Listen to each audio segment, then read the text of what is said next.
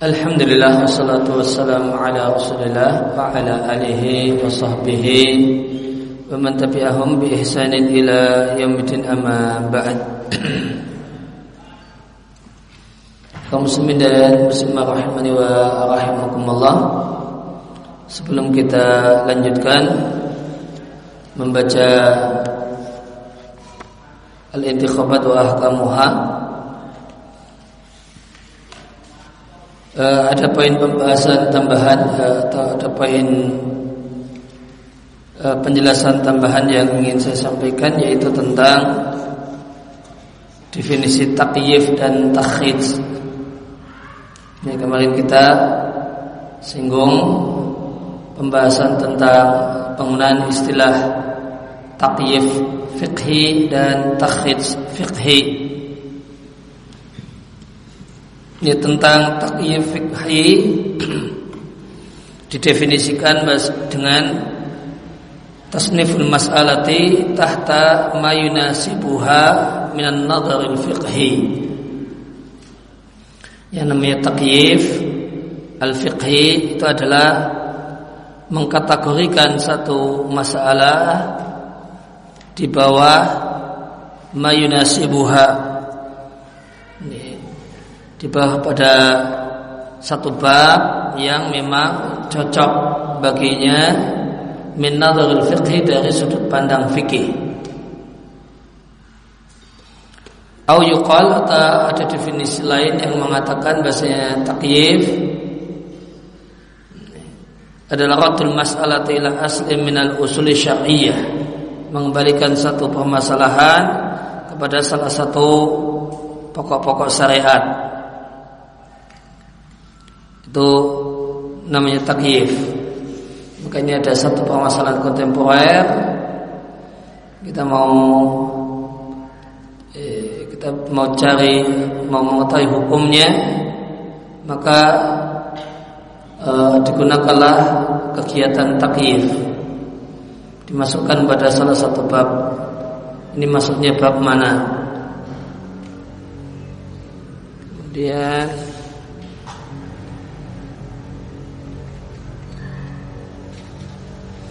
maka takyib itu akan terwujud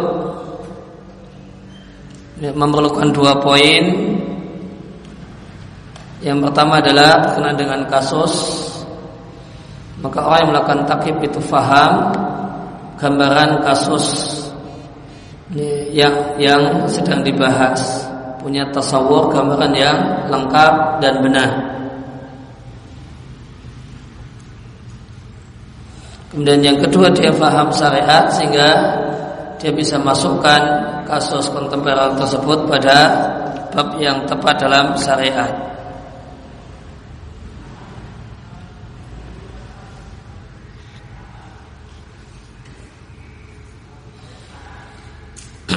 Maka takif dengan terutama dengan definisi yang kedua yaitu mengembalikan satu kasus kepada uh, asal syar'i atau dalil atau kemudian usul syariat maka kegiatan takif ini akan terwujud dengan menggunakan empat metode.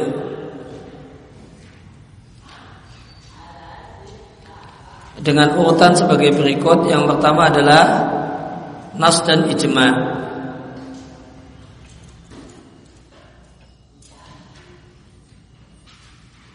maka hukum hukumnya kita carikan dengan kita carikan dengan melihat adakah nas yang yang dengan keumumannya bisa jadi dalil. Misalnya ada rambut palsu, oh maka apa hukum rambut palsu? Maka kemudian kita lihat bahasanya ini sejalan dengan hadis yang bahas tentang masalah menyambung rambut. Ya, kemudian yang kedua metode yang kedua adalah at-takhid ala nazilah mutaqaddimah ditakhid dengan kasus yang semisal yang sudah ada di masa silam yang sudah dibahas oleh para ulama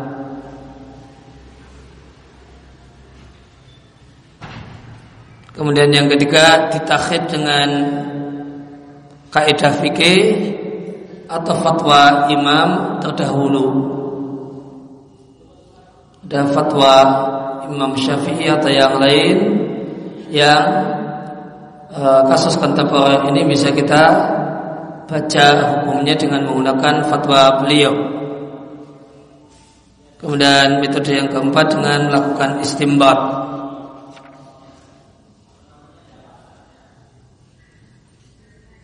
dengan melakukan istimbat dengan menimbang kaidah-kaidah dalam beristihad semisal satu dara'i dan lainnya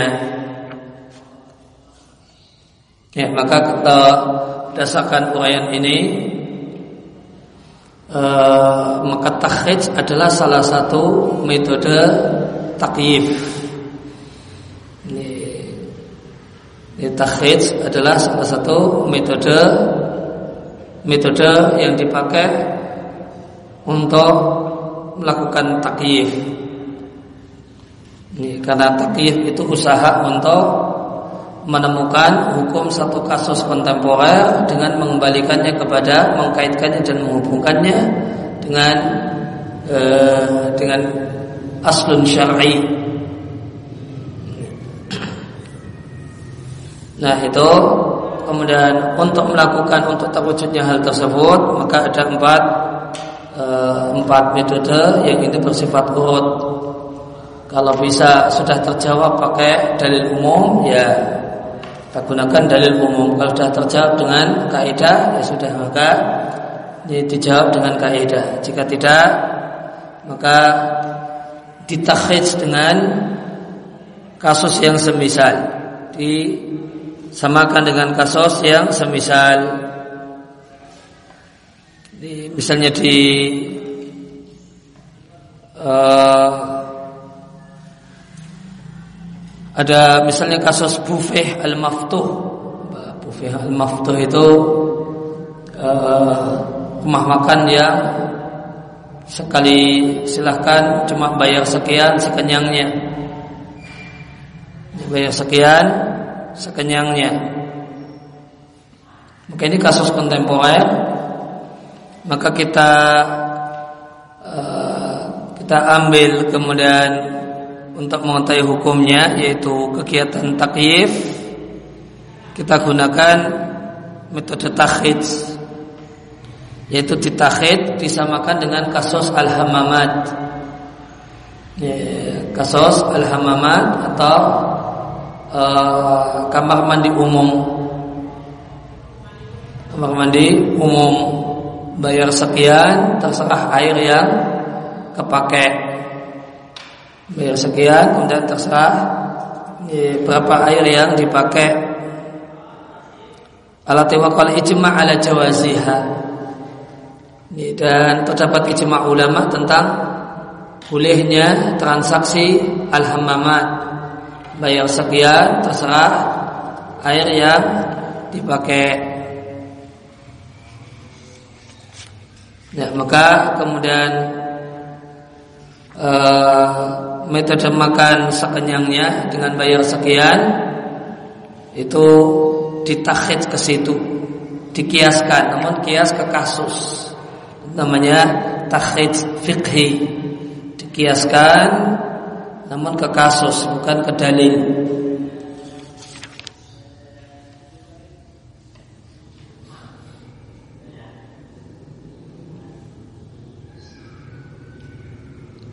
Dan metode yang keempat tadi ditakhid dalam e, dengan menggunakan kaidah fikih atau semacam itu. Itu e, mendudukan antara istilah takhid fikih dan takyif fiqhi. Kemudian kita lanjutkan membaca lintikhobat wa ahkamuha. Di halaman 48 Hubungan antara intikobat dan bayat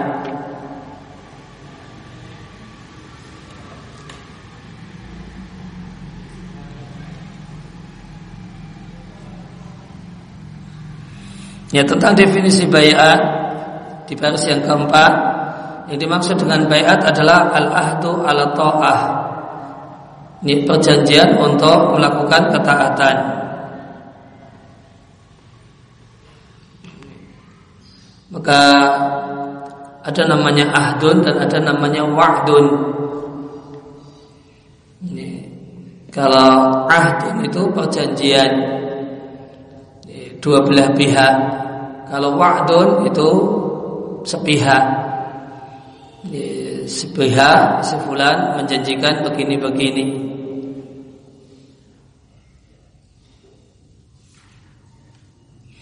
Wa amma kaifa tatimul bai'ah bagaimanakah terwujudnya bai'at tatimu itu cuma bebasnya terwujud. Fa inna tatimu maka bai'at itu terwujud caranya ahlul ahlul hali wal akti kumpul. Lantas mereka memilih orang yang paling utama atau yang paling layak untuk jadi penguasa. Setelah itu yang dipilih tadi mereka bayat. Wa yalzam annasu dan wajib bagi manusia ba'da dalika setelah bayat alul hali wal aqdi mentaati penguasa yang penguasa tersebut dan patuh kepadanya. Sehingga bayat itu ada dua macam. Ada dua langkah bayat. Pertama bayatu iqadin bayat pengesahan Yatimu maka ini terwujud min khilaliha melalui uh, bayat ini ikhtiar pemilihan ahlul halil wa aqdi liman yastahiqul imamata memilih orang yang berhak untuk jadi imam, jadi penguasa. Kemudian mereka membayatnya. Watan aqidu bidzalika dan terwujudlah al-imamah bagi orang tersebut bila dekat dengan bayat ahlul hali wal akti kepadanya. Ya, maka itu langkah pertama. Ya, diadakan pemilihan ahlul ahli wal akti memilih siapa yang layak jadi penguasa. Setelah terpilih kemudian mereka berbaiat dengan mereka berbaiat maka tan akidu maka berarti kesahlah e, kekuasaan si orang yang dipilih. Kemudian yang kedua adalah bayat taatin, bayat ketaatan. Itulah bayat e, amatun nas, bayat amatin nas semua orang berbaiat kepada orang yang telah dipilih oleh ahlul halil wal aqdi. Maka semuanya al jami' semuanya berbaiat kepada orang tersebut untuk dengar dan taat. Ya, maka berarti langkah pertama adalah baiat khusus di forum khusus. Setelah itu baiat terbuka. Ini baiat terbuka. Yang baiat terbuka ini cuma mengikrarkan asam wa ta'ah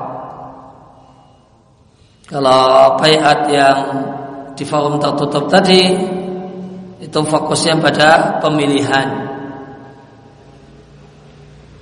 Terdapat sebuah dalil syar'i menunjukkan wajibnya bayat dan bahasa bayat itu mengikat kaum muslimin. Diatkan oleh Ibnu Umar, Rasulullah Sallallahu Alaihi Wasallam mengatakan, siapa yang mencopot tangannya dari ketaatan kepada penguasa, maka dia berjumpa Allah pada kiamat dalam keadaan tidak memiliki hujah dan siapa yang mati dan di lahirnya tidak ada ikatan bayat maka dia mati sebagaimana matinya orang jeliyah yang tidak mengikatkan di mana orang-orang jeliyah tidak punya penguasa tertentu yang mereka berbaikat padanya. Kemudian eh, hubungan antara pemilu dan bayat. Maka ketika kita renungkan pemilu dan kita bandingkan dengan bayat, kita jumpai anna mata di sana ada aujuh ittifaq. Sisi-sisi titik-titik kesamaan antara pemilu dengan bayat. Min wujuhin ada beberapa sisi. Yang pertama, bayat dan pemilu dua-duanya dibangun di atas pemilihan merdeka tanpa ada pemaksaan. Ya, bayat ahlul halil waqati itu pemilihan yang merdeka. Sama dengan punya kemiripan dengan pemilu. Yang kedua, bayat dan pemilu dua-duanya dibangun di atas pendapat mayoritas. Jadi, ketika ahlul halil waqati tidak sepakat, tidak ada mufakat maka akan dilakukan voting. Siapa yang dipilih oleh ahlul halul aqdi sebagai penguasa, maka uh, menggunakan sistem arayu al-aghlabiyah, pendapat mayoritas. Kemudian yang ketiga, bayat dan intikhabat dua-duanya yasilu min khilaliha melalui keduanya ia selalu sampai pada penentuan kepala negara. Maka poin 1, 2, dan 3 ini semuanya berkenaan dengan bayatu in iqadin. Ya, berkenaan dengan bayatu in iqadin maka ada kesamaan dengan uh, intikhabat dari tiga sisi ini. Adapun beda di antara keduanya, maka sebagian pengkaji menyebutkan sejumlah perbedaan. Di antaranya adalah al-khilaf perbedaan di antara keduanya pemilu dan bayat dalam syarat al-murusyah. Ini orang yang dicalonkan. Karena disyaratkan dalam bayatul dalam akad bayat sejumlah syarat yang tidak ada dalam intikhabat atau pemilu. Demikian juga jangka waktu kepala negara dalam bayat itu tidak dibatasi namun seumur hidup lain hanya dengan jangka waktu arais kepala negara dalam pemilu. Kemudian bayat adalah di antara fenomena penerapan Islam. Adapun intikhabat adalah salah satu fenomena penerapan sistem demokrasi. Ya, tanggapan penulis untuk pendapat ini sebenarnya perbedaan ini adalah yang benar adalah perbedaan antara demokrasi dengan bayat bukan perbedaan antara pemilu dengan bayat. Itlah talazuma karena tidaklah berhubungan erat antara pemilu dengan syarat menjadi al-wilayah memegang kekuasaan. Demikian jangka waktu pemerintahan dan yang lainnya. Karena bisa jadi tutup al-intikhabat diterapkanlah sistem pemilu ala nahwi al namun dengan model seperti itu nanti kepala negaranya seumur hidup. Kan bisa saja. Waktu topak dan bisa saja diterapkan dengan diletakkan sejumlah syarat-syarat yang lain. Oleh karena itu waladi arahu yang menjadi pendapat saya perbedaan bayat dengan intikhabat itu jelas pada poin-poin sebagai berikut. Yang pertama bahasanya pemilu itu sarana bersaing untuk mendapatkan kekuasaan. Sedangkan bayat maka dia adalah akad. Ini akadun liman ikhtarahu an-nasu.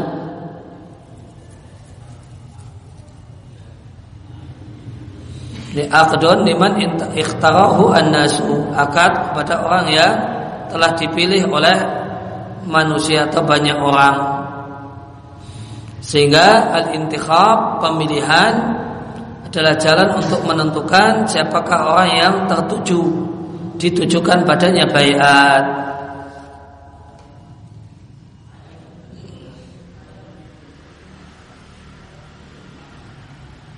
Kemudian yang kedua, pemilu itu adalah cara untuk sampai untuk mendapatkan riasa kekuasaan atau wilayah atau kekuasaan yang lainnya. Ya, tidak mesti hanya untuk memilih kepala negara, bisa untuk kemudian anggota dewan dan yang lain. Sedangkan bayat itu khusus untuk pemilihan kepala negara saja. Biri asah ammah kepemimpinan yang luas yaitu kepala negara fakat saja. Tidak ada bayat untuk misalnya dewan suro tidak ada. Bayat cuma khusus untuk kepala negara. Kemudian perbedaannya pemilu itu melibatkan semua orang. Adapun bayat maka ada bayat ini iniqad maka bayat al iniqad maka pada asalnya cuma dilakukan oleh anggota ahlul halil wal aqdi. Kemudian yang keempat, para calon dalam pemilu adadun adalah sejumlah orang yang tidak dibatasi. Adapun bayat maka tidaklah ada tidaklah mungkin kecuali hanya ditujukan pada satu person saja. Kemudian hubungan antara pemilu dengan surah yang yurad bisyura yang dimaksud dengan surah adalah mengacu kepada ahlu ra'i orang-orang yang punya ide-ide yang cerdas wal ikhtisas dan para profesional. Orang yang punya kemudian spesialisasi di berbagai bidang. Fil umur dalam perkara yang tidak ada nas syar'i yang jelas di dalamnya. Lil usul untuk kita bisa menemukan la al aslah mana yang paling maslahat bagi umat dan paling manfaat bagi umat.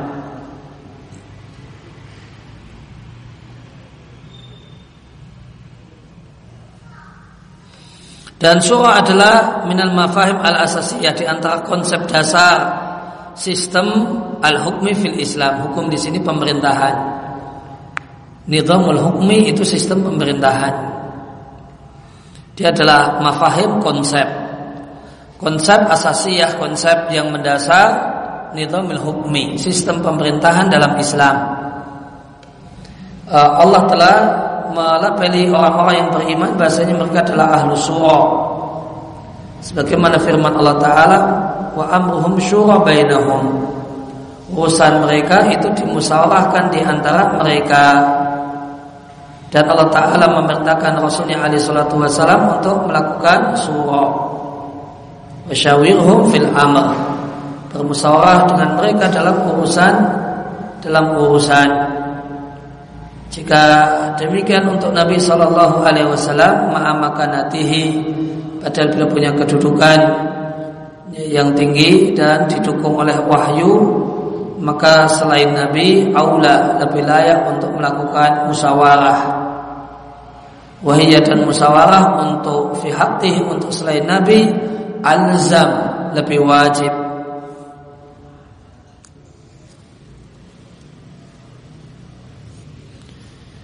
Ya hubungan antara surah dan intikhabat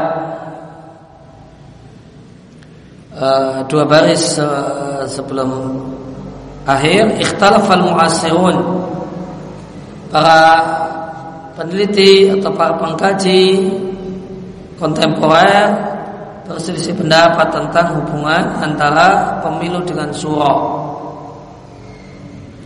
Di perselisihannya dalam masalah apakah intikhabat apakah pemilu itu bagian dari konsep surah ataukah tidak.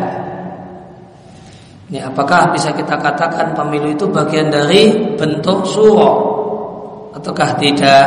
Ada dua pendapat. Al-qaul al-awwal pendapat yang pertama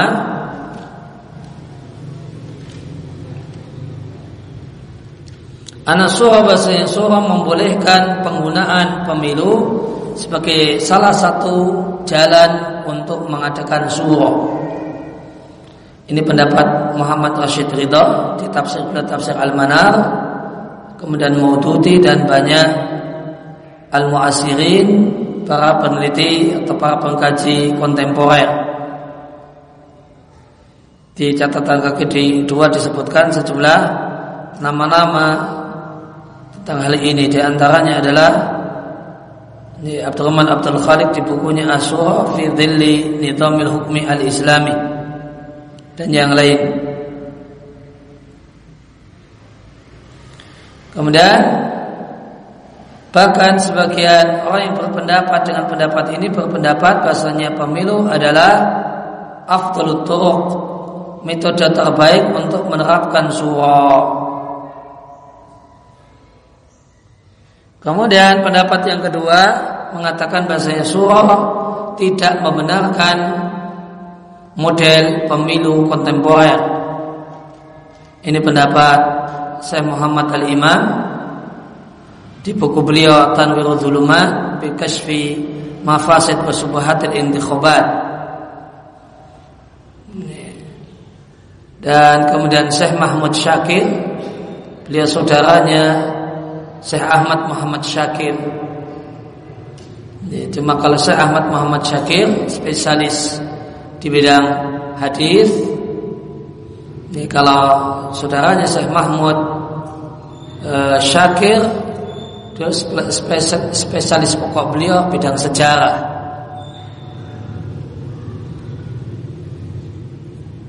Kemudian ada Amin Al-Had Muhammad.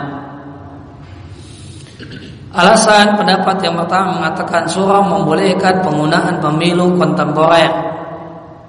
Alasannya firman Allah Ta'ala Wa amrum syura bainahum. Sisi pendalilannya Ini khitab ditujukan pada semua umat Fasura Maka surah berarti Ada dan ditujukan untuk semua umat Dan alasan ini nukisha disanggah Bisa disanggah sebagai berikut Bi'annahu bahasanya la yalzam tidaklah mesti dari surah yang mau dalam rangka mengamalkan ayat antakuna likuli fardin. Ini tidaklah harus tidaklah mesti itu likuli fardin afradil ummah melibatkan semua umat. Ini sebagaimana pemilu melibatkan semua orang semua orang jadi pemilih. Dan bukanlah cara Nabi Shallallahu Alaihi Wasallam bermusyawarah dengan semua orang dalam semua permasalahan. Alasan yang kedua, syariat mengajarkan bimutlakil amri, memerintahkan secara mutlak untuk melakukan musyawarah dan tidak membatasinya dengan tata cara tertentu dan bentuk tertentu. Fakulu man wada'alaha hayatan Maka siapa yang meletakkan untuk surah atau musyawarah satu bentuk tertentu atau tata cara tertentu maka dia mengada-ada menetapkan satu hal yang tidak ada alasan yang ketiga bermusyawarah adalah di antara perkara duniawi yang berkenaan dengan siasatin nas berkenaan dengan masalah mengatur masyarakat dan hukum asal umur duniawiyah adalah mubah kecuali ada dalilnya. Waktiarul tariqah dan pemilihan metode berbeda sesuai dengan zaman dan tempat. Dan intikhobat pemilu kontemporer dan di antara jalan yang bagus yang mungkin bisa diambil faedahnya dalam bermusyawarah dengan banyak orang mengetahui pendapat mereka mimma yuhaqqiq yang ini berarti mewujudkan maksud musyawarah. Kemudian alasan pendapat yang kedua yang mengatakan bahasanya surah dalam Islam tidak membenarkan pemilu kontemporer. Alasan yang pertama surah dalam Islam itu metodenya tidak bertanya kepada semua orang. Tidak minta pendapat pada semua orang. Namun hanya mengacu pada ahlul halil wal aqdi. Itulah orang yang memiliki pendapat yang bagus ya, dan akal yang terbukti. Namun alasan ini kot nukisha bisa disanggah bahasa surah itu tidak terbatas pada ahlul aqdi wal aq, ahlul halil wal aqdi iman selalu bahkan mencakup semua manusia. Dalilnya Nabi Shallallahu Alaihi Wasallam tidaklah membatasi diri bermusyawarah dengan sebagian sahabat saja. Namun musyawarahnya Nabi mencakup fibatil ahayin di sebagian kesempatan semua orang. Sebagaimana Nabi bermusyawarah dengan mayoritas para sahabat dalam perang Badar dan berusaha dengan mereka dalam masalah berangkat ke Uhud ataukah tidak. Ini menunjukkan bahasa surah itu bisa dilakukan untuk lil khasah untuk orang-orang terpelajar dan bisa untuk al-ammah semua orang. Tergantung tema yang akan dibicarakan. Alasan yang kedua, pemilu adalah bagian dari syariat demokrasi. Sedangkan surah adalah min min Islam. Bagian dari eh, satu hal yang merupakan inti Islam. Atau sebentar saya carikan artinya.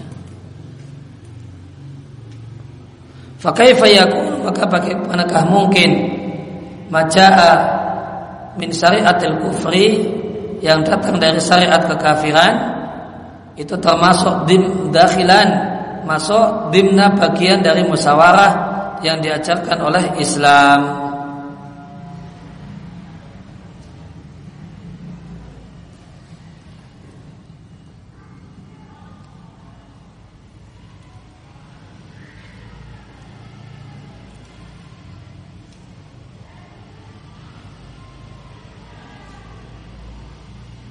Asami min kulli syai' artinya murni. Murni bagian dari Islam.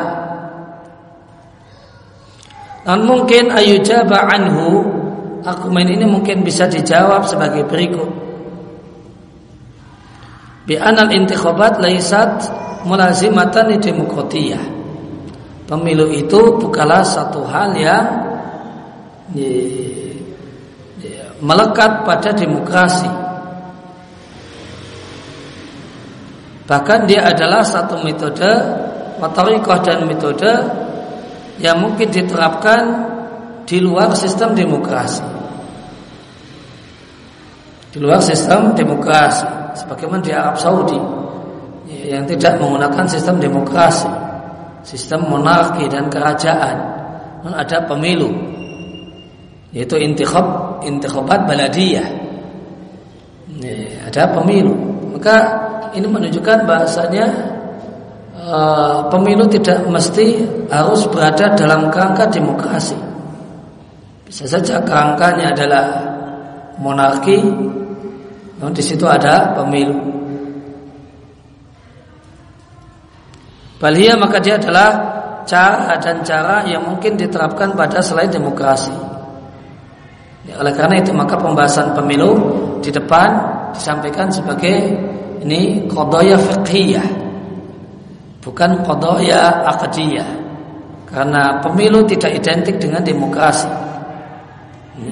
Pemilu dalam pengertian voting apalagi kemudian dalam pengertian luas voting pemungutan suara tidak mesti identik dengan demokrasi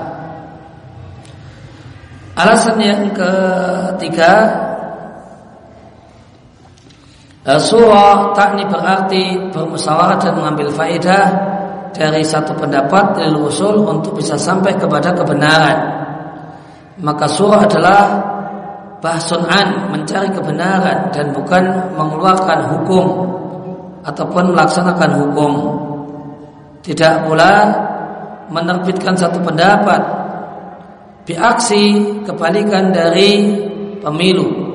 Tidak boleh tidak dalam pemilu Membuat pendapat dan hukum. Namun mungkin kita jawab alasannya sebagai berikut. Bi'anal izam La yuzilu an Anitariqati kauniha surah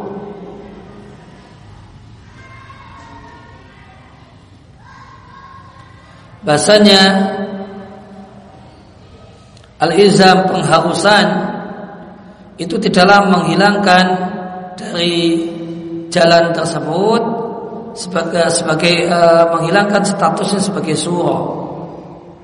Maka surah meskipun pada asasnya tidak bersifat mengikat orang yang meminta saran namun ketika orang yang meminta saran itu berkomitmen dengan saran maka itu tidaklah mengeluarkan dia dari statusnya sebagai surah.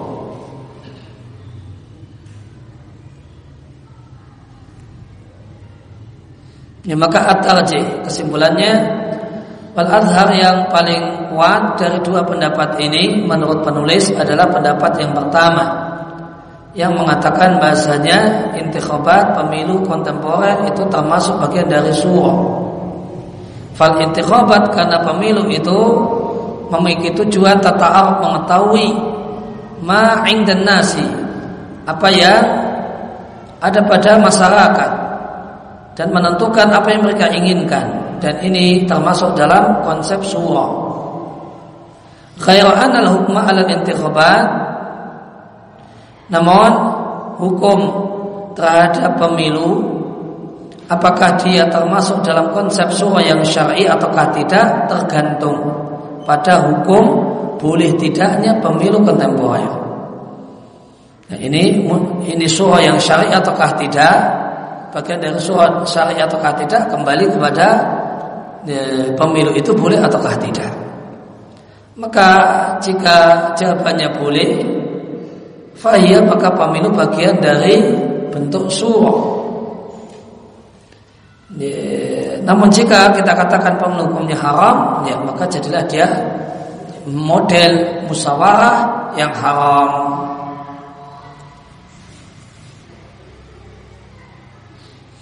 Kemudian al-muqarana ya, perbandingan atau komparasi antara surah dengan intikhabat pemilu.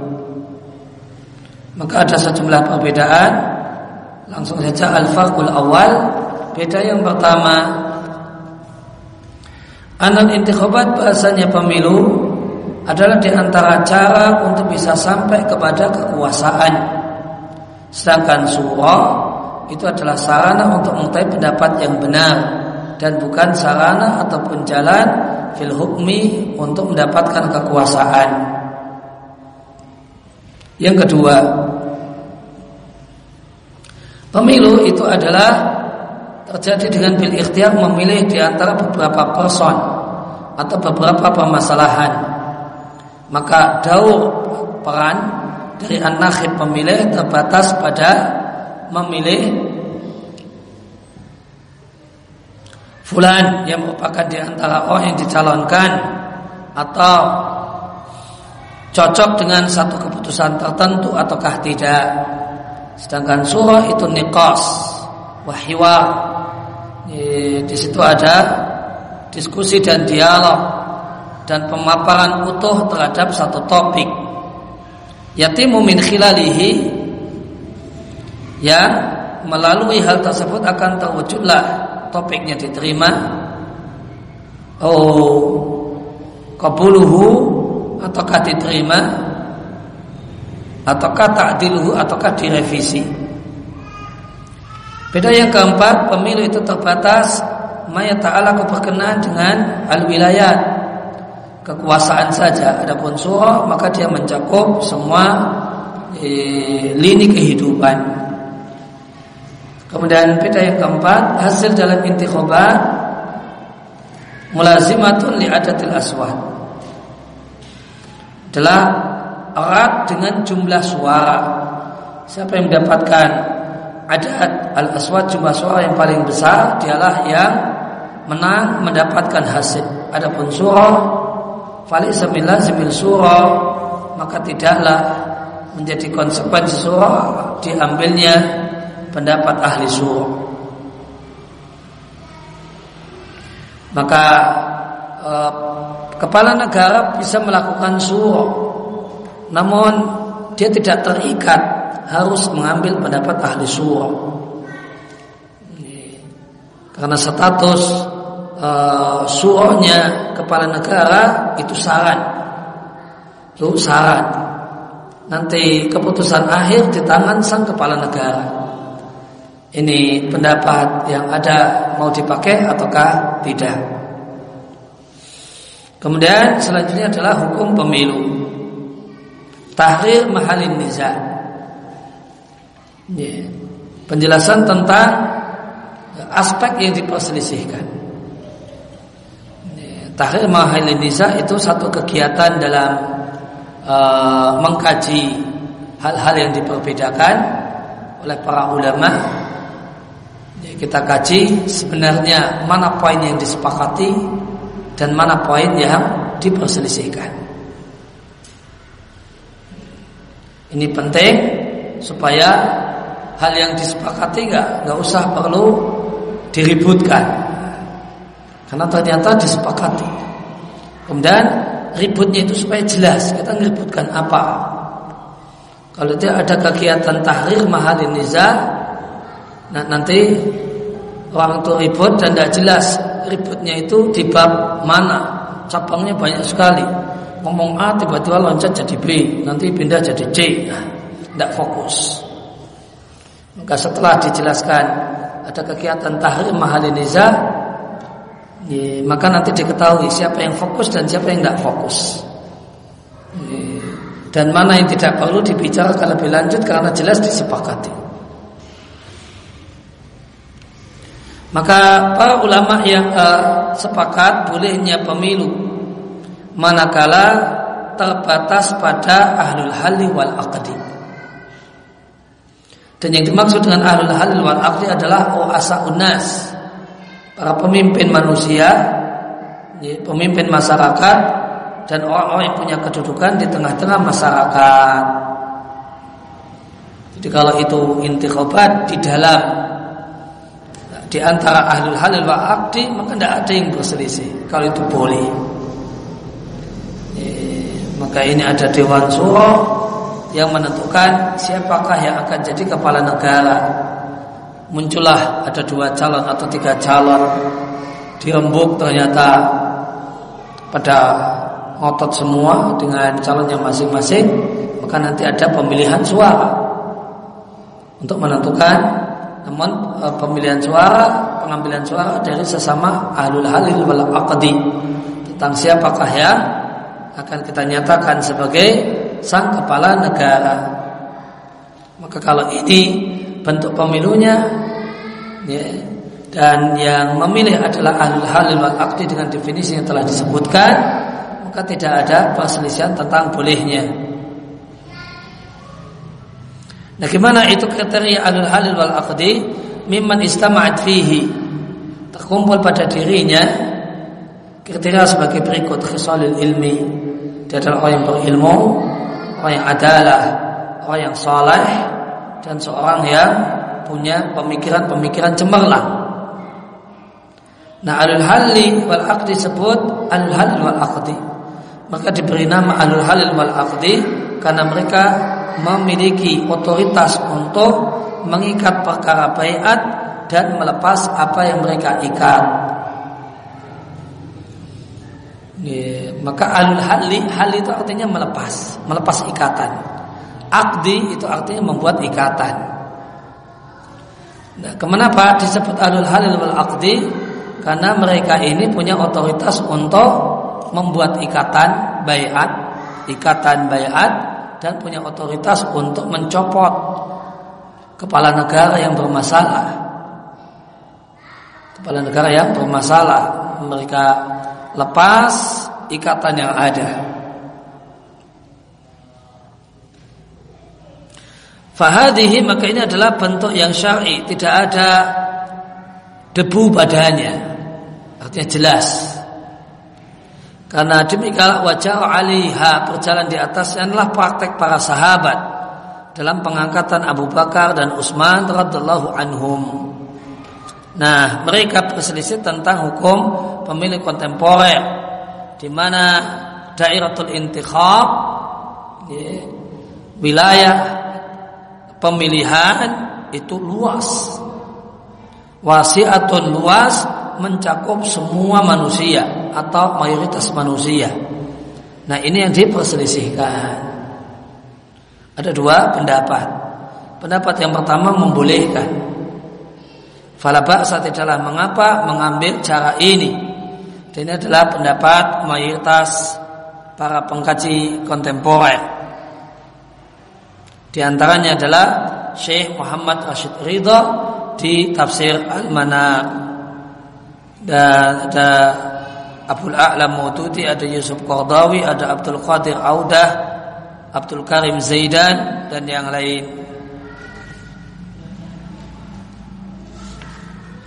Pendapat yang kedua melarang, maka tidak boleh mengambil metode pemilu dengan cara semacam ini. Ini pendapat sebagian ya, orang-orang kontemporer. Dia sebutkan di catatan kaki di antara pendapat demikian. Ya, saya Muhammad Abdullah Al Imam Mahmud Syakir di kitabnya Tarikh Al Kemudian di antaranya disebutkan Sahih Yahya Al-Hajuri di kitabnya Mabadi Al-Mufid fi Tauhid wal Fiqh wal Aqidah. Ada juga Syekh Saleh Fauzan, kemudian ada Syekh Abdurrahman Al-Bara dan ada Muhammad bin Sa'ad Al-Ghamidi. Alasan e, dua pendapat ini. Alasan pendapat yang pertama, Bayat fi jauhar. Jauhar itu esensi. Esensi dari bayat adalah pemberitahuan individu yang berbayat kalau dia cocok dan ridho dengan person yang dibayat. Wahadam amrun kokon dan ini satu hal yang terwujud pada pemilu kontemporer. Alasan ini bisa yunakos disanggah dengan dua sanggahan. Yang pertama bayat itu ada setelah uh, alul halil wa melakukan pemilihan.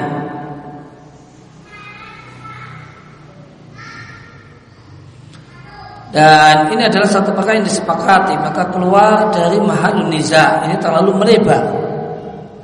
Berarti terlalu melebar Keluar dari mahalun niza Perkara yang diperselisihkan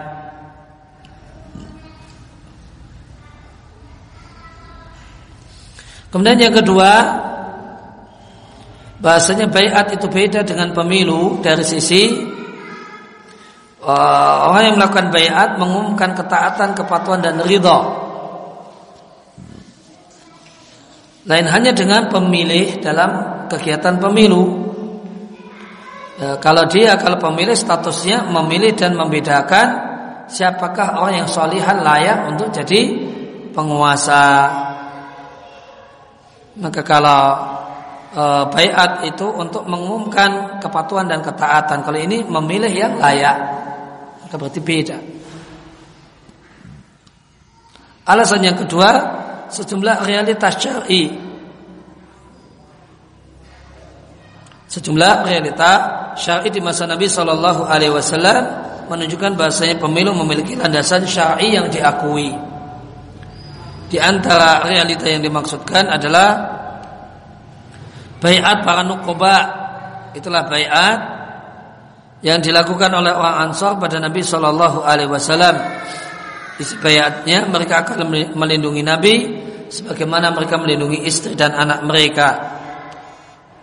Maka Nabi mengatakan keluarkan untukku dari kalian 12 nakib, 12 wakil yakunu ala kaumihim bima fihim yang dia mewakili kaumnya.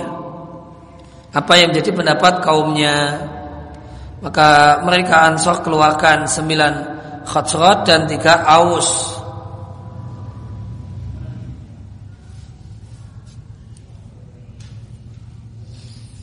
Nabi lantas berkata kepada mereka kalian ala kaumikum bima fihim kalian mewakili kaum kalian tentang pendapat mereka. Kufala kalian sebagai penjamin. Bahasanya inilah pendapat ini kaum kalian.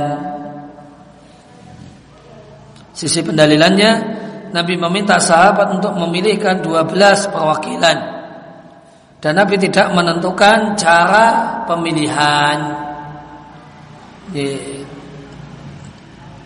atau Nabi juga tidak melarang mereka untuk memperlibat, melibatkan semua orang dalam menentukan 12 uh, perwakilan tersebut. Maka ini dalil sahnya pemilihan dengan mengacu pada pendapat semua orang. Kemudian uh, alasan yang lainnya adalah para pemimpin dalam utusan Bani Hawazin di mana waktu utusan Bani Hawazim datang menemui Nabi Shallallahu Alaihi Wasallam dalam keadaan Muslim setelah Nabi memeranginya dan mendapatkan ghanimah dari dari peperangan tersebut. Mereka minta agar dikembalikan pada mereka harta dan istri mereka. Maka Nabi Shallallahu Alaihi Wasallam memberikan pilihan kepada utusan Bani Hawazim, kalian mau minta harta atau minta perempuan? Yaitu istri-istri kalian. Maka mereka meminta meminta an-nisa istri-istri mereka.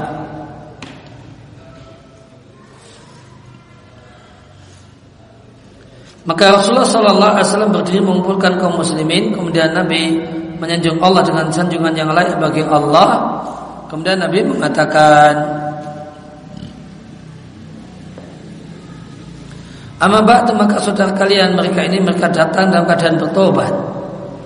Dan aku punya pandangan untuk agar mengembalikan kepada mereka sabyahum tawanan mereka yaitu perempuan dan anak-anak maka siapa yang suka di antara kalian ayat tiba bidzalika rela hal itu, hendaklah dia lakukan.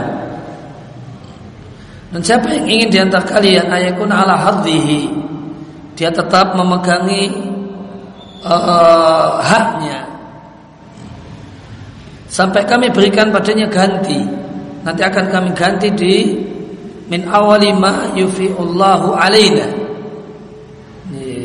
Fai pertama yang Allah berikan pada kami. Harta rampasan perang yang Allah berikan pada kami. Nanti akan ganti di harta rampasan perang berikutnya. Ya maka juga boleh. Masuk karila Boleh. Mau kemudian Saya nuntut hak Nanti akan saya ganti dengan Harta rampasan perang pertama yang Saya dapatkan kata Nabi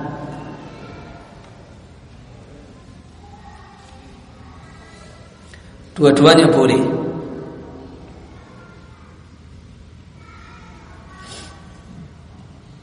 Lantas orang-orang mengatakan kami sukarela untuk itu hai Rasulullah. Lahum untuk mereka-mereka. Maka Rasulullah sallallahu mengatakan, kami tidak mengetahui siapa yang memberikan izin di antara kalian dalam hal itu dan siapa yang tidak memberikan izin. Maka kembalilah hatta yarfa ilaina sehingga lapor kepada kami para pemimpin kalian melaporkan pilihan kalian maka orang pemuda kembali berkumpul lantas berufa pemimpin yang jadi pemimpin yang memberikan penyampaian setelah disepakati kemudian mereka kembali kepada Rasulullah Sallallahu Alaihi Wasallam dan mereka semua mengkabarkan kalau mereka telah nyaman dan mengizinkannya nyaman hatinya untuk dikembalikan dan mengizinkannya.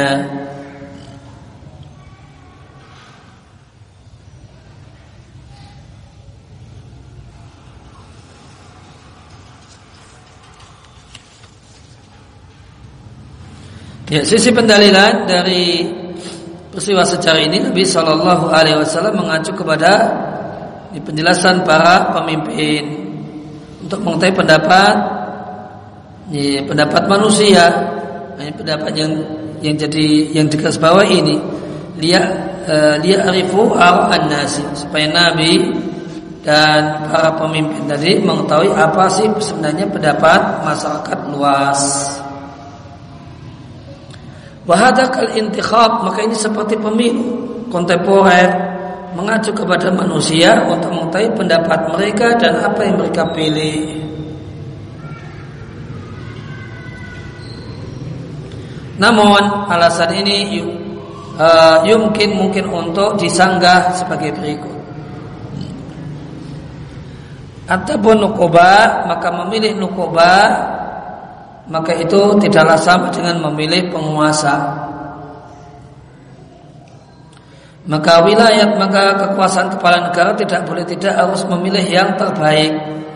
Maka itu dikhususkan ditangani oleh alul halil wal aqdi karena mereka adalah orang yang paling mampu untuk memahami mana yang ala aslah yang terbaik untuk negara.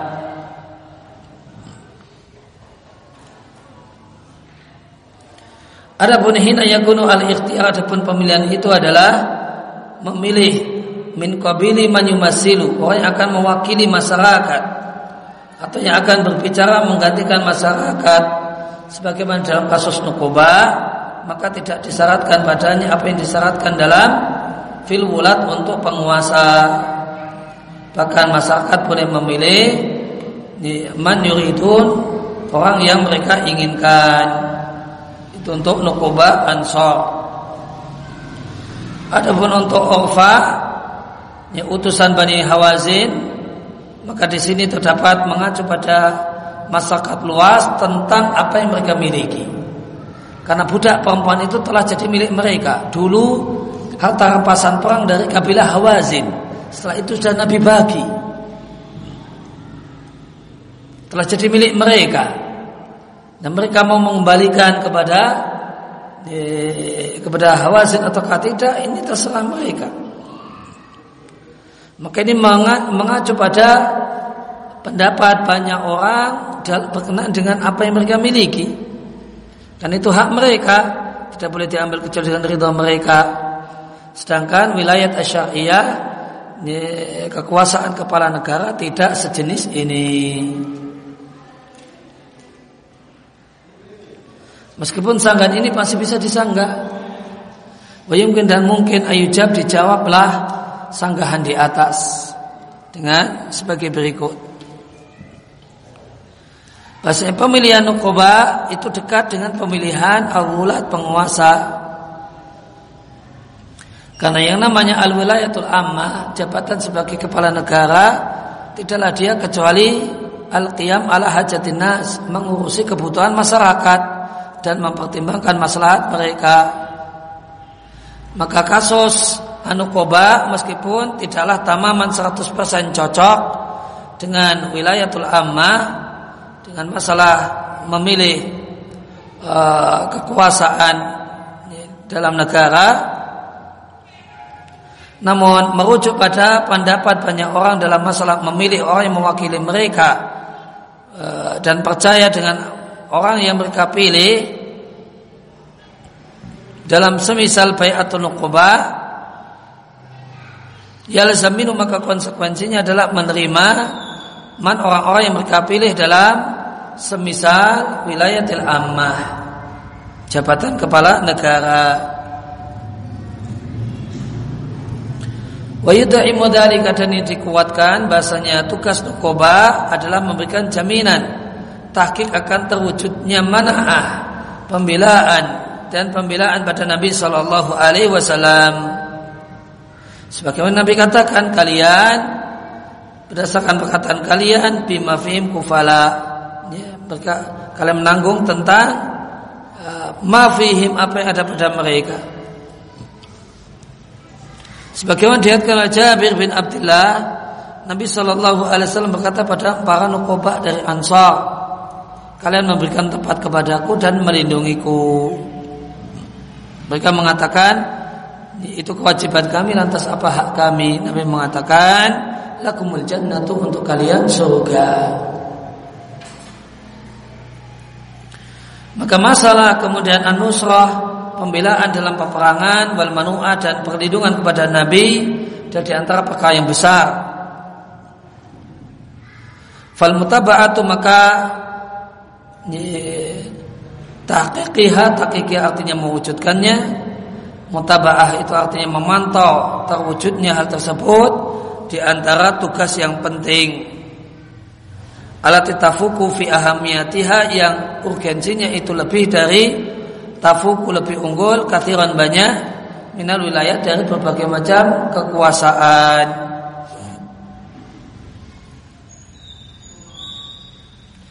Adapun alasan dengan utusan Bani Hawazim maka memang uh, alasan tersebut tidak bisa diterima. Sanggahan berkenaan dengan hal tersebut adalah sanggahan yang benar. Karena ini adalah perkara berkenaan dengan apa yang mereka miliki. Berkenaan dengan budak yang sekarang mereka miliki. Ini adalah satu perkara di luar topik bahasan kita tentang wilayah syariah. Tentang masalah kekuasaan seorang kepala negara falamat khalalahu huna maka tidak ada pintu baginya di sini.